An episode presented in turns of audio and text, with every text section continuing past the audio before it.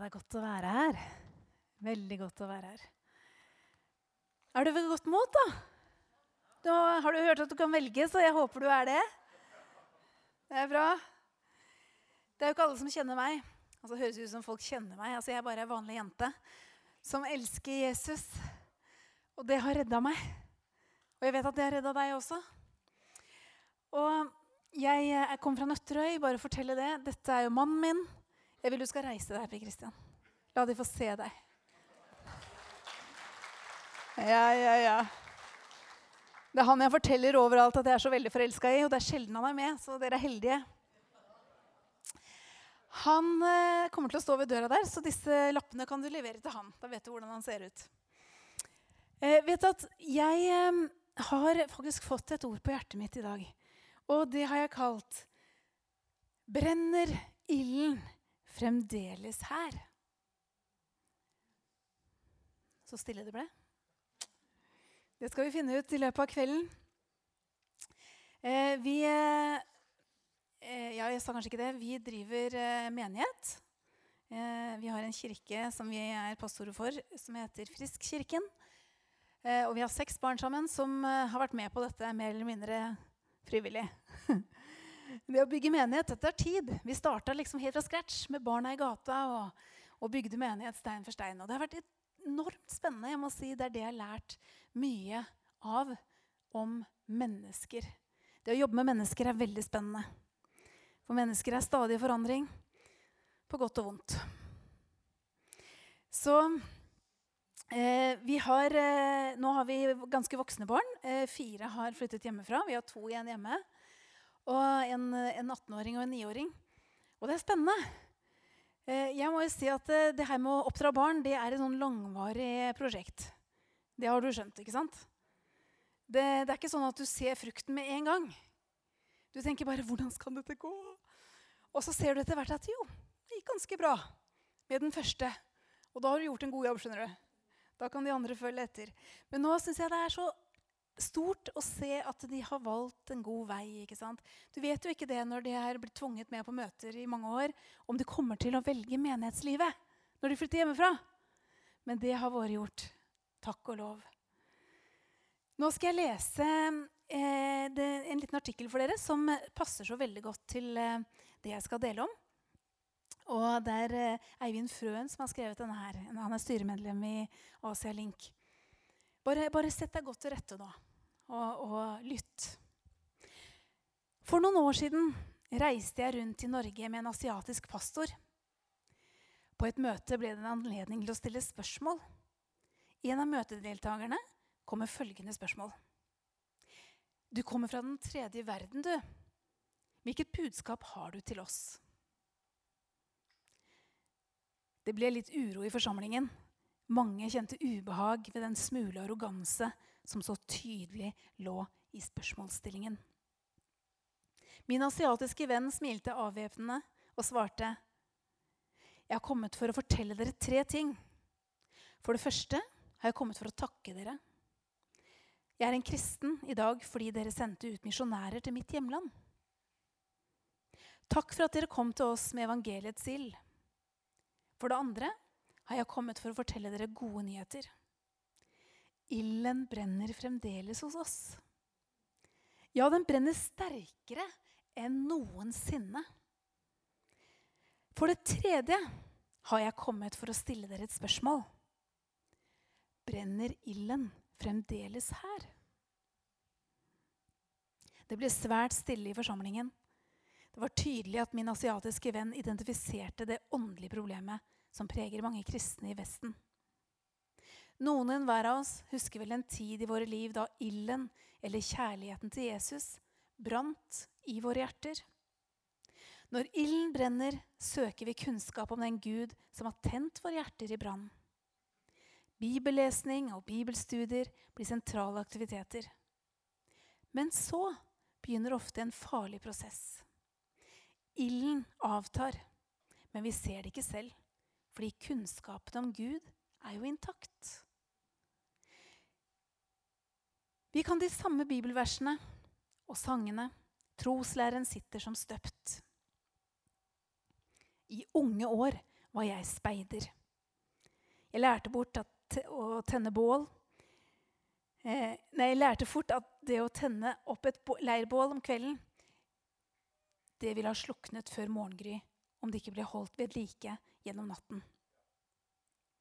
Slik er det også med den åndelige ilden. Kjærlighetsrelasjonen med Jesus. Dersom den ikke holdes ved like, avtar ilden og kan til og med slukne helt. Dette kompenserer vi ofte med mer kunnskap. Til sist sitter vi igjen sprenglærde, men med kalde hjerter. Var ikke dette fariseernes problem også? I denne situasjonen forsøker vi ofte å vinne verden for Jesus. Vi lager evangeliseringsprogrammer og kompliserte strategier.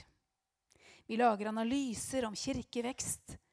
Vi utdanner medarbeidere og sender ut misjonærer med større kunnskapsballast enn noensinne. Vi har blitt kristne kunnskapsformidlere mer enn åndelige pyromaner. Vi må huske på at vi bare kan formidle det vi selv har. Kunnskap tenner ingen ild. Det er først når Jesus har satt våre hjerter i brann, at de kan bli brukt av Gud til å tenne ild i andres hjerter. Kanskje det er dette Gud peker på i åpenbaringen. Ild uten bibelsk kunnskap blir svermeri. Kunnskap uten ild blir ofte død rettroenhet. Mon tro om vi ikke har mye å lære av våre asiatiske brødre og søstre. Var det ikke fint? Så da er jeg så frimodig å spørre oss, da, like mye til meg selv, brenner ilden fremdeles her hos oss? Det er jo det vi ønsker. Vi ønsker å spre ild, gjør vi ikke det? Og når vi snakker om sånn som i sted, når vi snakker om kristent ressurssenter som ønsker å endre kulturen, vi skjønner jo at det er en åndelig kamp. Det er jo ikke en menneskelig kamp. Det er ikke noe vi kan gjøre med å liksom, eh, eh, skjønner du, kjefte løs på alt som er feil. Nei, vi må brenne. Vi må overbevise med Den hellige ånds ild. Og da er det bare å holde seg nær Jesus, da. Da er det bare å klamre oss fast til han og så gjør han oss frimodige. Så vi skal snakke litt om det. Eh, jeg har lyst til å fortelle situasjonen vi er i. Fordi at eh, vi kan dundre løs på alt som er feil i samfunnet. Men vi kan også komme med et lite håp. Og det har jeg lyst til å gjøre i dag. For de av dere som kjenner idéhistorie, så blir tankebygninger eller nye ideer og teorier som blir absolutter På fagspråket kaller vi det for totalitær ideologi eller politisk religion. Har dere hørt om det? Ja Ser vi dette i samfunnet i dag, spør jeg. Og jeg vil påstå ja. Det er en bok eh, fra professor Øystein Sørensens bok 'Politikk og religion en farlig kombinasjon'. heter den. Han henviser til ledende eh, de som eh, forsker på totalitisme. Hva heter det? Ja. Totalarisme heter det. Nei, totalitarisme. Det var et rart ord. Ok, er du med? Det kommer i hvert fall fram at politisk religion ikke klarer å bre seg i områder med sterk religiøs tro. Det er interessant. Politisk religion vil tilsidesette og utrydde kristendom. Fordi det nye og mer moderne ikke har plass til to syn. Det er kun ett riktig syn som alle må tro på, og det skal gjennomsyre hele samfunnet med hellige feiringer og seremonier. Det ligner litt på pride, gjør det ikke det? Jeg bare nevner det sånn. Og politisk religion faller plutselig ut av samfunnet idet den mister statsstøtten og statens makt. Slik som narsismen, marxismen, fascismen gjør det. Den blusser plutselig opp, blir altomfattende og dør plutselig ut. fordi bevegelsen ikke har nok trosstyrke i samfunnet. Den er kun opprettet av penger og statens makt. Men hør her, mine venner. Mens kristendom vokser tilsynelatende raskere jo mer undertrykkende staten og omgivelsene er. Er det fordi sannheten alltid seirer, tro? Som en sånn badeball som man prøver å holde under vann. vet du. Før eller siden så spretter den opp. Sånn er kristenlivet. Og du er bærer av dette livet. Nå våkna du! Ja. Dette er gode nyheter. Det betyr at vi er i en perfekt tid for at kristendommen kan poppe opp. Det er jo bare fantastisk at vi som troende går rundt her med løsningen på samfunnets problem. Det var ikke så mye begeistring der. Er du her? Ja? Dette gir håp for fremtiden. Og det vi egentlig snakker om her, er å ha tro til Gud. Vi kan ikke lene oss på vår egen forstand. Ikke sant? Det er Han vi må tro på. Og Det er derfor vi kommer sammen sånn som her, for å minne hverandre hvem vi tjener. Hebrebrevet 11,6. Jeg elsker dette ordet. Uten tro er det umulig å være til glede for Gud. Ok, hvem vil være til glede for Gud? Godt. For den som trer frem for Gud, må tro at han er til, og at han lønner den som søker ham. Åh, han lønner oss! Vi er jo barn av Gud. Dere vet hvor opptatt barn er av belønning? Hæ? Jeg har ei som eh, ei lita niåring ja, som sier «Eh, jeg kan massere deg i en time mamma, hvis jeg får 200 kroner. tenker jeg, Nei, vet du hva? Det må være av egen glede og fri vilje. Men denne uka her så hadde jeg en samtale med en veldig kjær venn. Ei som jeg har kjent nesten hele livet mitt. En gammel venn er det ikke, for hun er jevngammel. Hun er så kalt av Gud at hver gang hun kommer på besøk, så er det hun som vil snakke om kristen tro. Eh, fra hun kommer til hun går, så har hun spørsmål. Og sånn har det vært i alle år. Veldig spennende dame. Og i flere år så har jeg ventet på at eh, denne gangen vet du, kommer hun til tro. Det er vel denne gangen jeg skal, skal lede henne til frelse. Ikke sant? Du kjenner følelsen? Hvor liksom bare er kjempespent. Og, og hun har sagt det nå de fire-fem siste gangene hun har vært hos meg. At eh, bare slapp av, Tone Lise. Eh, jeg kommer ikke til tro før jeg kommer med champagnen. Liksom. Det er et tegn på at jeg er klar.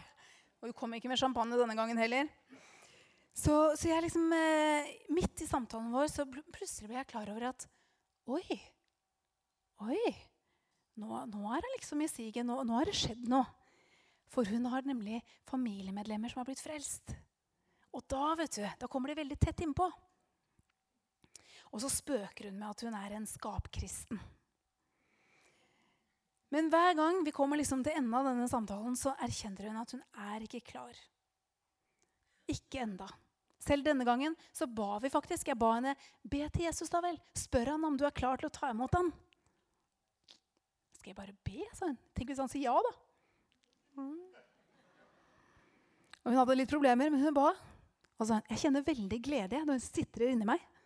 Det betyr ja. ja. Men hun var ikke klar fortsatt. OK, hva er det som mangler? spurte Herren. Hva er det egentlig som mangler? Og vet du hva det er? Jeg hørte et lite ord.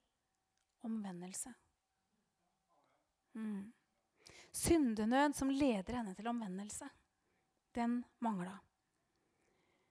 Og den er det bare Den hellige hånd som kan skape. Jeg vet det selv. Jeg var så selvrettferdig. Jeg tenkte ikke røyka jeg, ikke banna jeg, ikke drakk jeg som tenåring. Så jeg tenkte det må jo kvalifisere til himmelen. Men så heldigvis kom Den hellige ånd og overbeviste meg.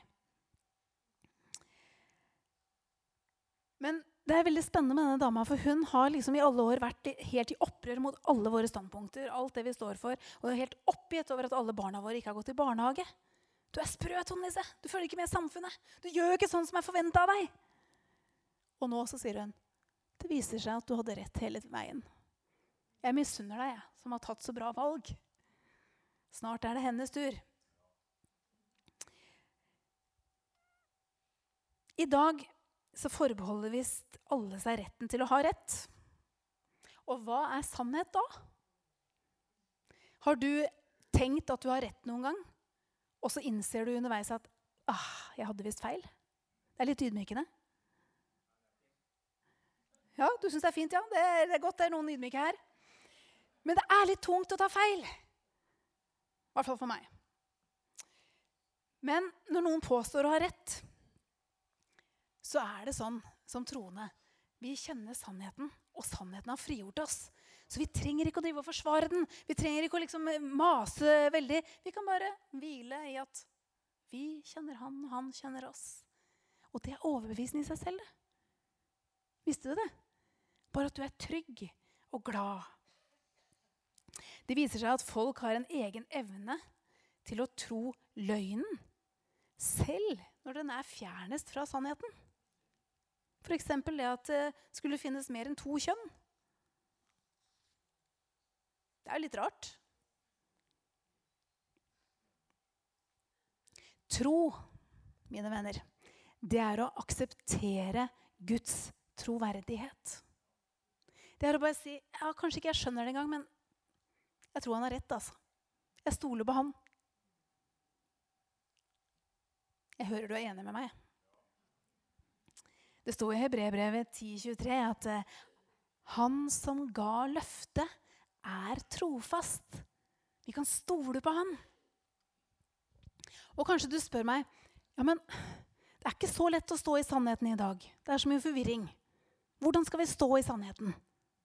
Jeg er glad du spurte om det. Det skal jeg fortelle deg. Å frykte Herren hjelper oss å bli i sannheten. Det er Han som gir oss overbevisning, som holder oss oppe.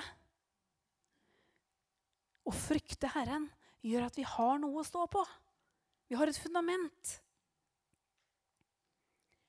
Bare det å leve sant med seg selv. Har du spurt deg selv hvilke valg skal kjennetegne meg?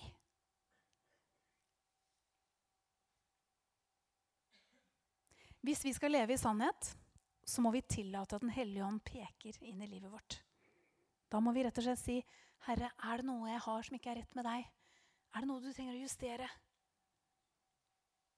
Jeg husker jeg for en tid tilbake var veldig syk. Jeg var døende av lungeemboli. Og legene hadde gitt meg opp. De trodde jeg skulle dø. Og det eneste jeg var opptatt av da Jeg mener, jeg var jo predikanten liksom, som ba for syke. Hvorfor ligger jeg der syk? Det er en veldig fortvilende situasjon. Å ligge på sykehuset og, og høre liksom fra legen at du skal dø. Så tenkte jeg det må jo være noe feil her. Og jeg vet det er jo ikke noe feil med Gud. Feil må jo ligge hos meg. Men hvor er den? Og da hadde jeg en sånn situasjon, sånn moment vet du, hvor jeg sa Hellige Ånd, vis meg. Bare vis meg hvor jeg lever feil. Lever jeg ikke i kjærlighet? Lever jeg ikke i sannhet?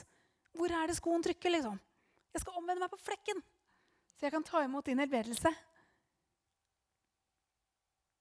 Tror du det var helt stille fra himmelen da? Ja, det var det. Det var det. Men så henta jeg fram boka. Og i den boka her taler Gud. Og når jeg leste da, så var det som om Jesus satt på sengekanten min og talte til meg rett inn i mitt liv. Her hadde jeg akkurat ligget og sagt Å, lever jeg ikke sannhet? Hva er problemet? Så leser jeg i 3. Johannes brev. Det finnes ikke større glede enn å se at mine barn lever i sannhet. Sånn som du lever i sannhet. Vet du hva, Jeg trodde jeg skulle hoppe opp på gulvet og ta salto. Jeg fikk ikke lov til det. Fikk ikke lov å gå ut av senga mi. Men da skjønte jeg der fikk jeg min helbredelse. For Gud taler gjennom sitt ord. Det bare, det bare smelta sammen med min ånd. Og så ble jeg fri. Det er rått. Så morgenen etter våkna jeg helt frisk.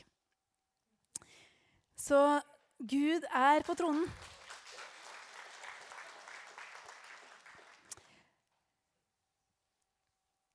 Jeg spør meg selv av og til tenker jeg at ting ikke er så farlig.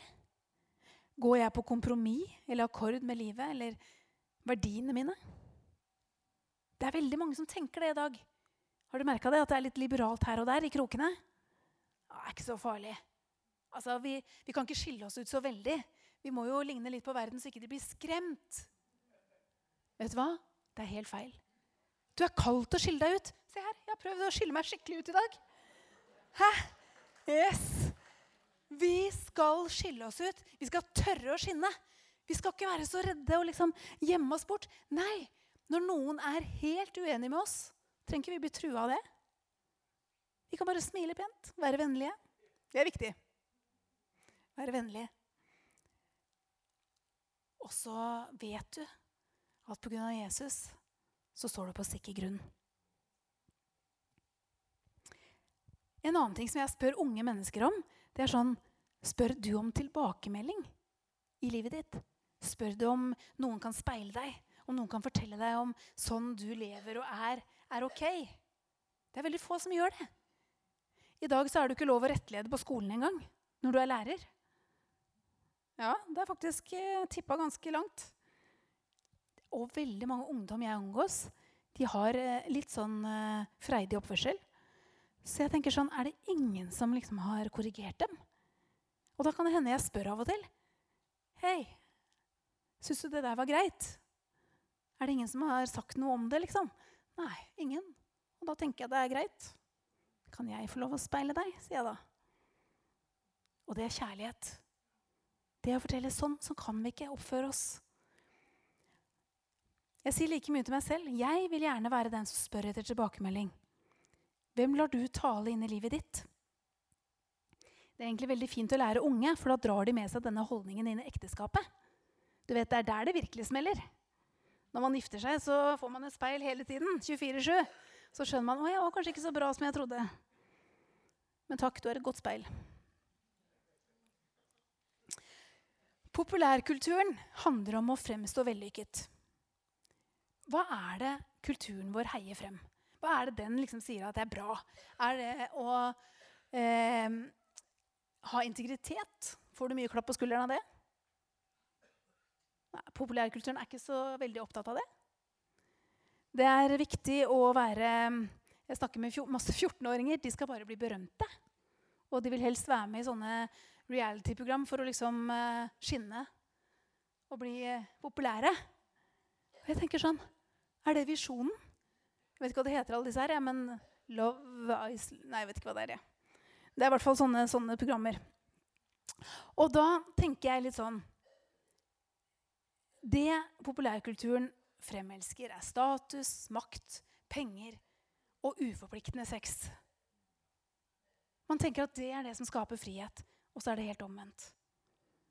Noen må stå der og si at det er feil. Og hvem ønsker du skal anerkjenne deg? Er det mennesker, eller er det Gud? Ja, det er Jesus! Vi må tørre å være ærlige med livet vårt og ha mot. Det er så vakkert her, sånn som, eh, som Åse som sto her og delte fra hjertet. Det, åh, det treffer oss, ikke sant? For vi er alle der. Det er sårbart å leve. Det kan være ganske brutalt, faktisk. Ha mot til å være sårbar. Ellers så vil du ha lite troverdighet hvis du fremstår som glansbildet. Men dere nåde. Ordet nåde kan jo få oss å smile, alle mann. Det er Guds hjelp til å leve det som sannheten krever av oss. Vi skal ikke gjøre det alene. Det er ikke noe menneskeverk. Vi trenger Gud. Og jeg tenker Når vi er mange mennesker her, så representerer vi mange ulike kriser. Noen har eh, syke familiemedlemmer. Andre står i barn eh, kanskje som ikke har kommet til tro enda. Det er masse nød. Og hvordan responderer du og jeg på krisene rundt oss? Nå får vi jo disse krisene inn, i, i, ja, inn på mobilen vår hele tiden. Så, så, vi må liksom vite hvordan vi responderer. Vi har fire valg, dere.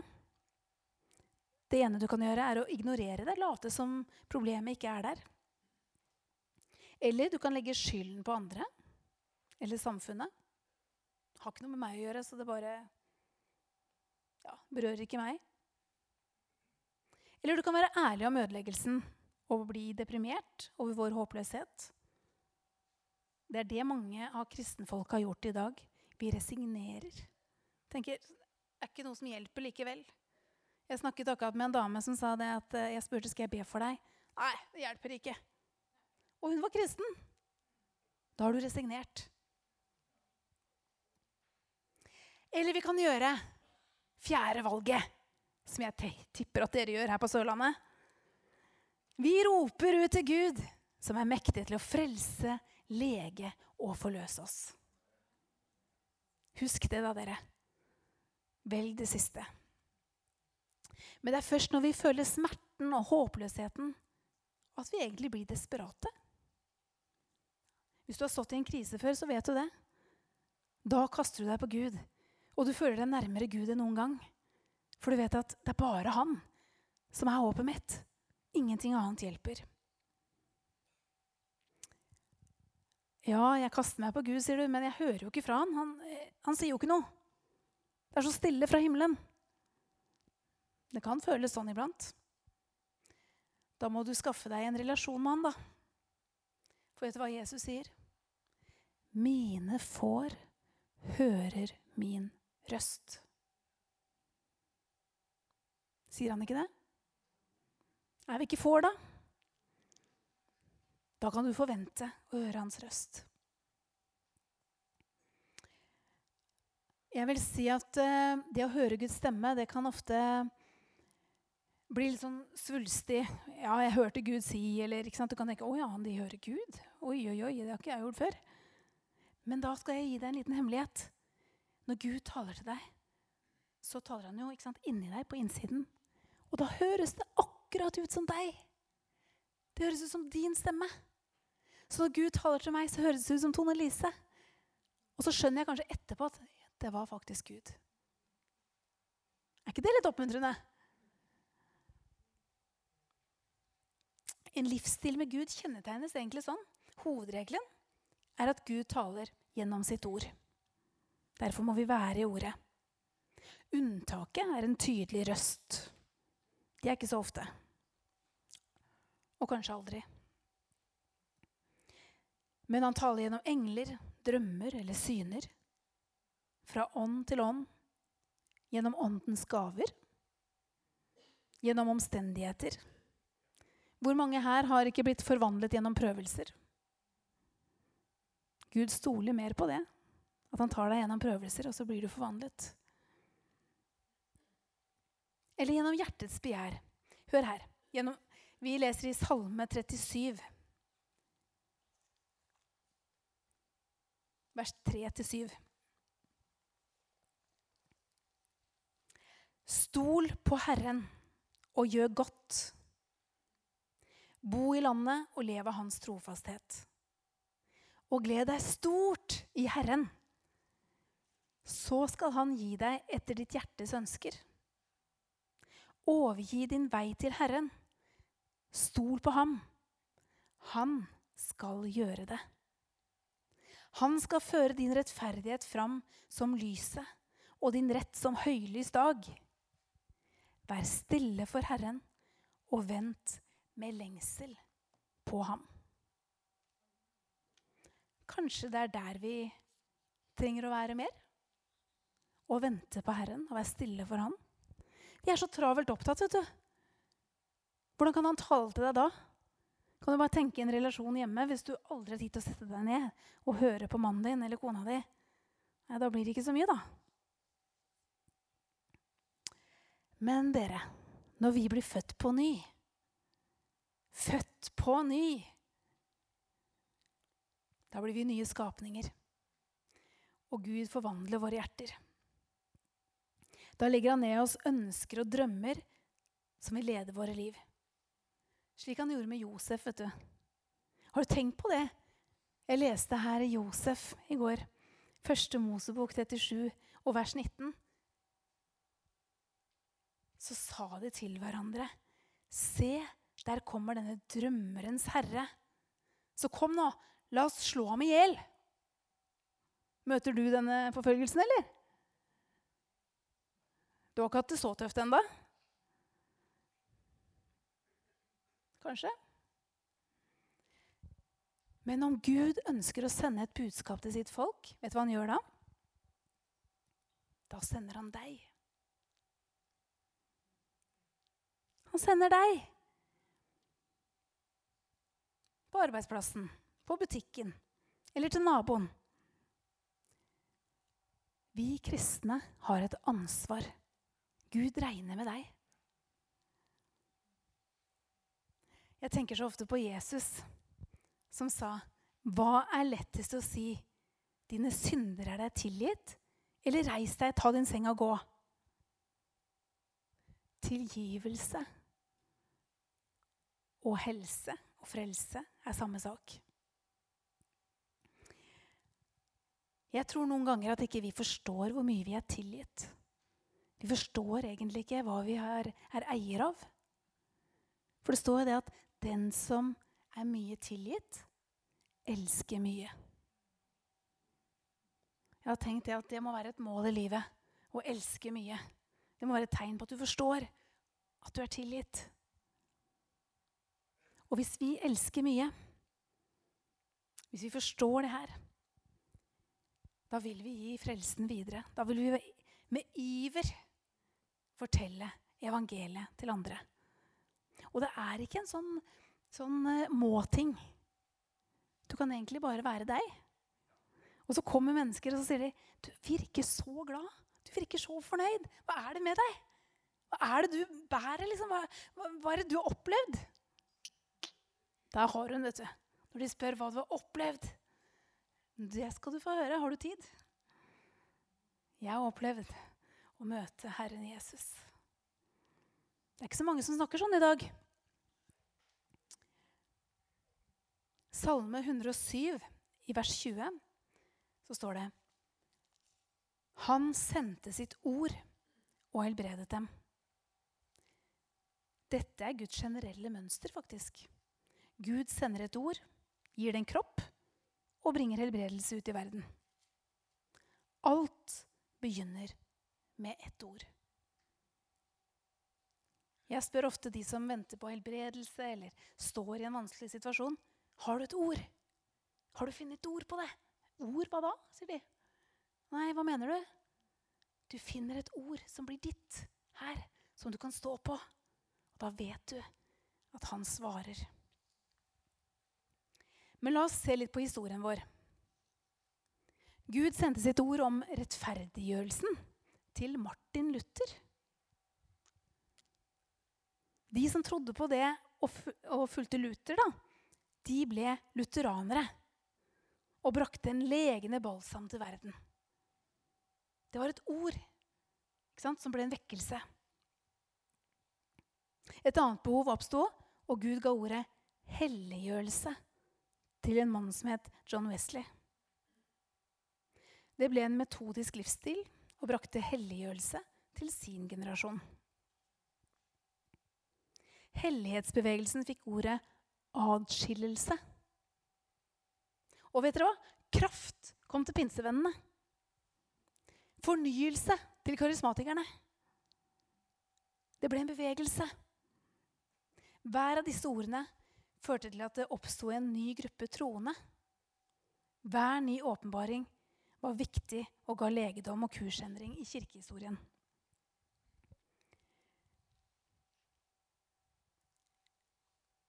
Men romerne Romerbrevet det må alle kristne kjenne til. 8, 9 og 10. Altså Romerne 10, 8. Ordet er deg nær, i din munn og i ditt hjerte. Det er troens ord som vi forkynner. For det er som du bekjenner Herren Jesus med din munn og tror i ditt hjerte at Gud har oppreist ham fra de døde, skal du bli frelst. For med hjertet tror en til rettferdighet, og med munnen bekjenner en til frelse. Skriften sier jo 'Den som tror på ham, skal ikke bli gjort til skamme'. Åh. Jeg fikk oppleve det en dag når jeg var 16, nesten 17. Det var jo vidunderlig. Da ble jeg født på ny. Og vet dere hva? Sannheten er at jeg har trodd på Jesus hele mitt liv. Jeg har bedt Fader vår fra jeg var tre år. kan jeg huske. Jeg har trodd at jeg var kristen. Jeg kalte meg kristen. Men sannheten var at jeg trodde på han i hjertet mitt, men jeg hadde aldri bekjent han som herre. Jeg visste ikke at man skulle det. Forsto det ikke før noen kom og sa, 'Har du blitt frelst?' Og jeg er så lykkelig for at jeg omvendte meg da. Glem aldri dette. Det er mye lettere å oppnå noe enn å holde på noe. Og bevare det. Det er på en måte et mønster som går igjen i historien. At åpenbaringen kom, og den er lett for å stivne eller krystalliseres. Og vet du at denne nedbrytningen den, den fanger oss alle på et eller annet tidspunkt. Både mennesker og kirkesamfunn. Og den er ofte den skyldige når ekteskap går i stykker, eller bedrifter. Har dere hørt at eh, ektepar sier det? Nei, vi vokste fra hverandre. Vi var ikke noe mer å gjøre, liksom. Men Jesus han satte ord på det. Skilsmisse er pga. deres harde hjerter. De stivnet. Mønsteret for denne prosessen den er slik. Åpenbaring kommer. Inspirasjon. Formalisering. Institusjonalisering. Krystallisering og sekualisering. Det er der vi er nå. Ikke du, da. Men vi merker vi har så lett for å stivne. Vi har så lett for å liksom bli fanga i det der, hvordan vi skal gjøre ditt og datt. Og vi må leve, dere. Vi må leve dette nyfrelstlivet. Er det noen her som har noen nyfrelser rundt dere? Noen som er helt ferske i troen? Åh, det er så herlig! Det er det beste som fins. Så hvis du er her som er nyfrelst, du er underbar. Vi trenger deg. For den begeistringen, den må vi bevare. Den ilden.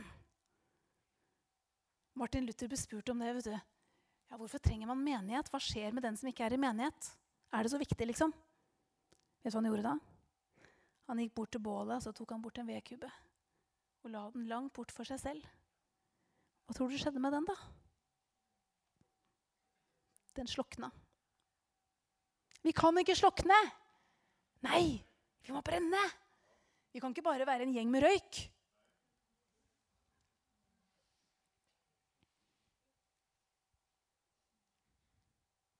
Da har jeg lyst til å spørre, Hva er ordet som Gud sender sin menighet i dag? Hva tenker du? Våkne opp var fint. Våkne opp, det er jeg sikker på han sier til sin menighet. Jeg tenkte at uh, vi har prøvd litt for hardt. Kanskje han sier 'bli forvandlet'. Hvordan skjer det egentlig, da? Veldig glad du spurte om det. Romerbrevet 12, 2, så står det Bli ikke dannet lik denne verden, men bli forvandlet ved fornyelsen av deres sinn. Så dere kan prøve hva som er Guds gode, velbehagelige og fullkomne vilje. Ei, ei, ei. Vet du hva jeg oppdaga her om dagen? At Jesus kalte aldri noen til tro uten først å kalle dem til omvendelse. Og si 'omvend deg' og tro på evangeliet. Hvorfor er det så vanskelig å praktisere omvendelse?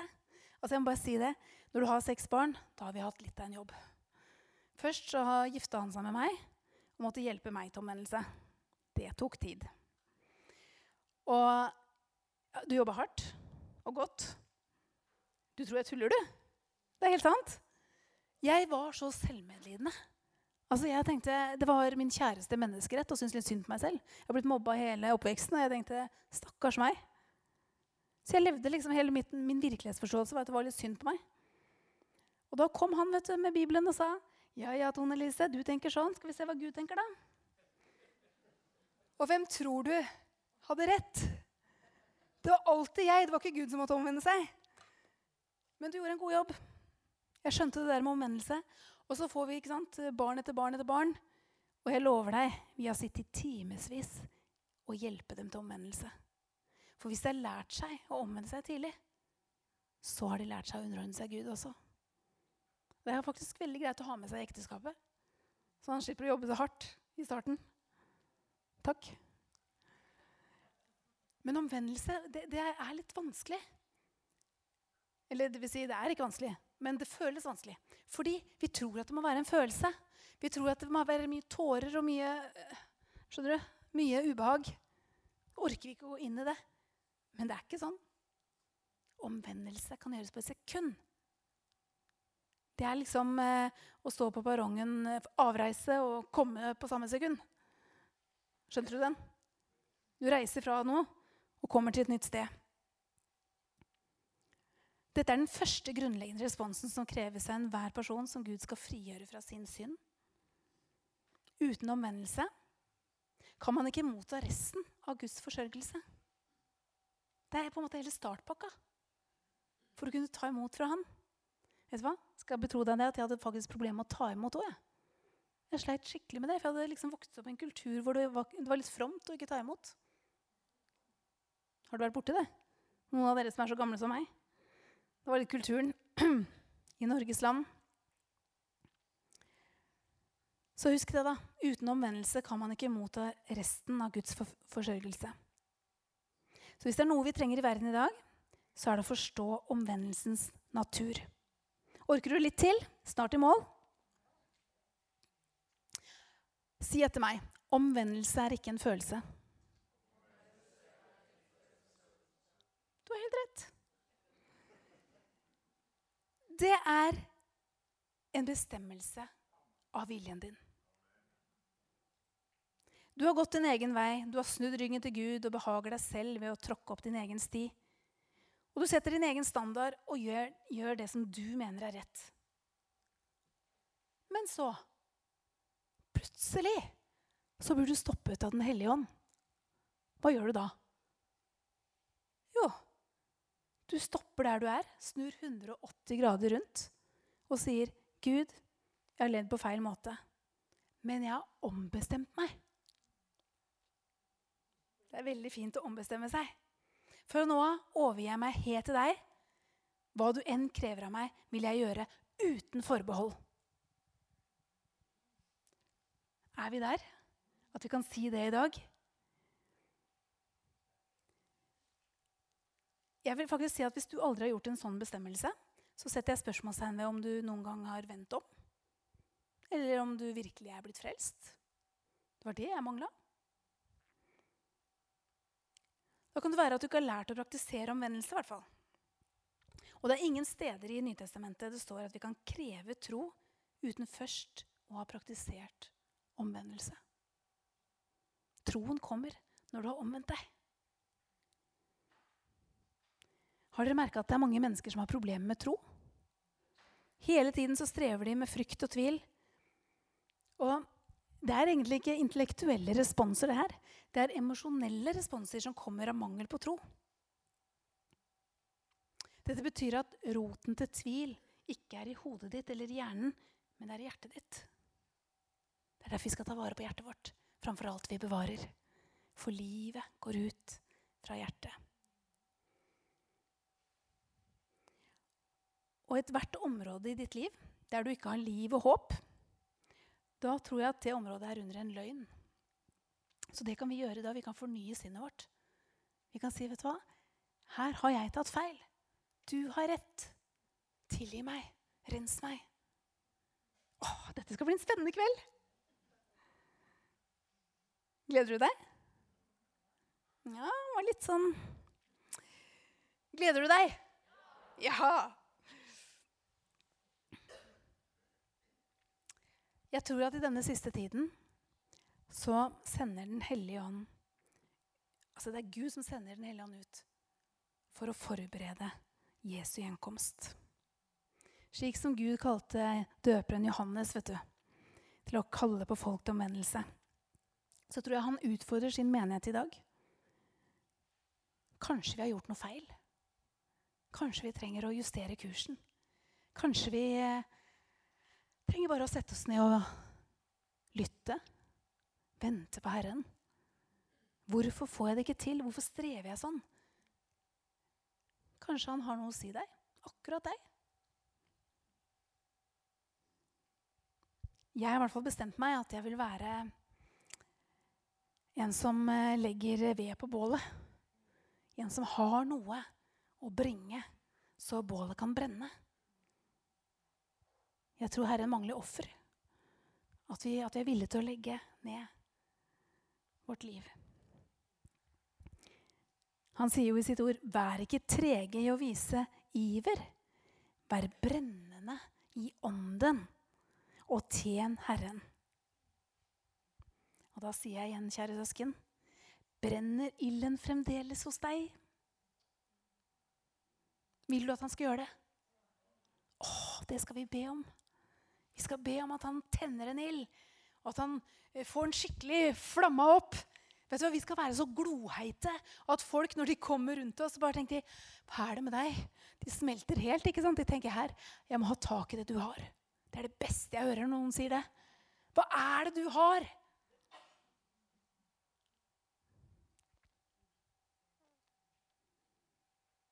Hebrebrevet 4,16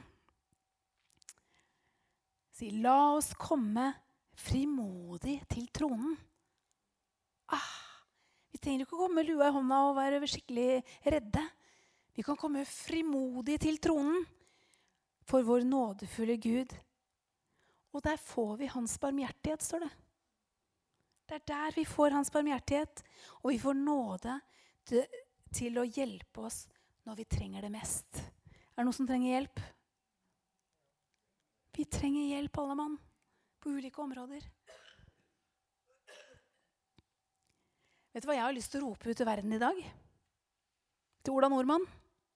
Det er ordspråkene 3, vers 7-8.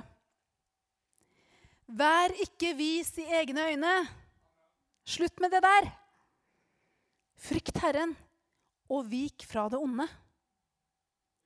Det skal bli til helse for kroppen opplive dine bein.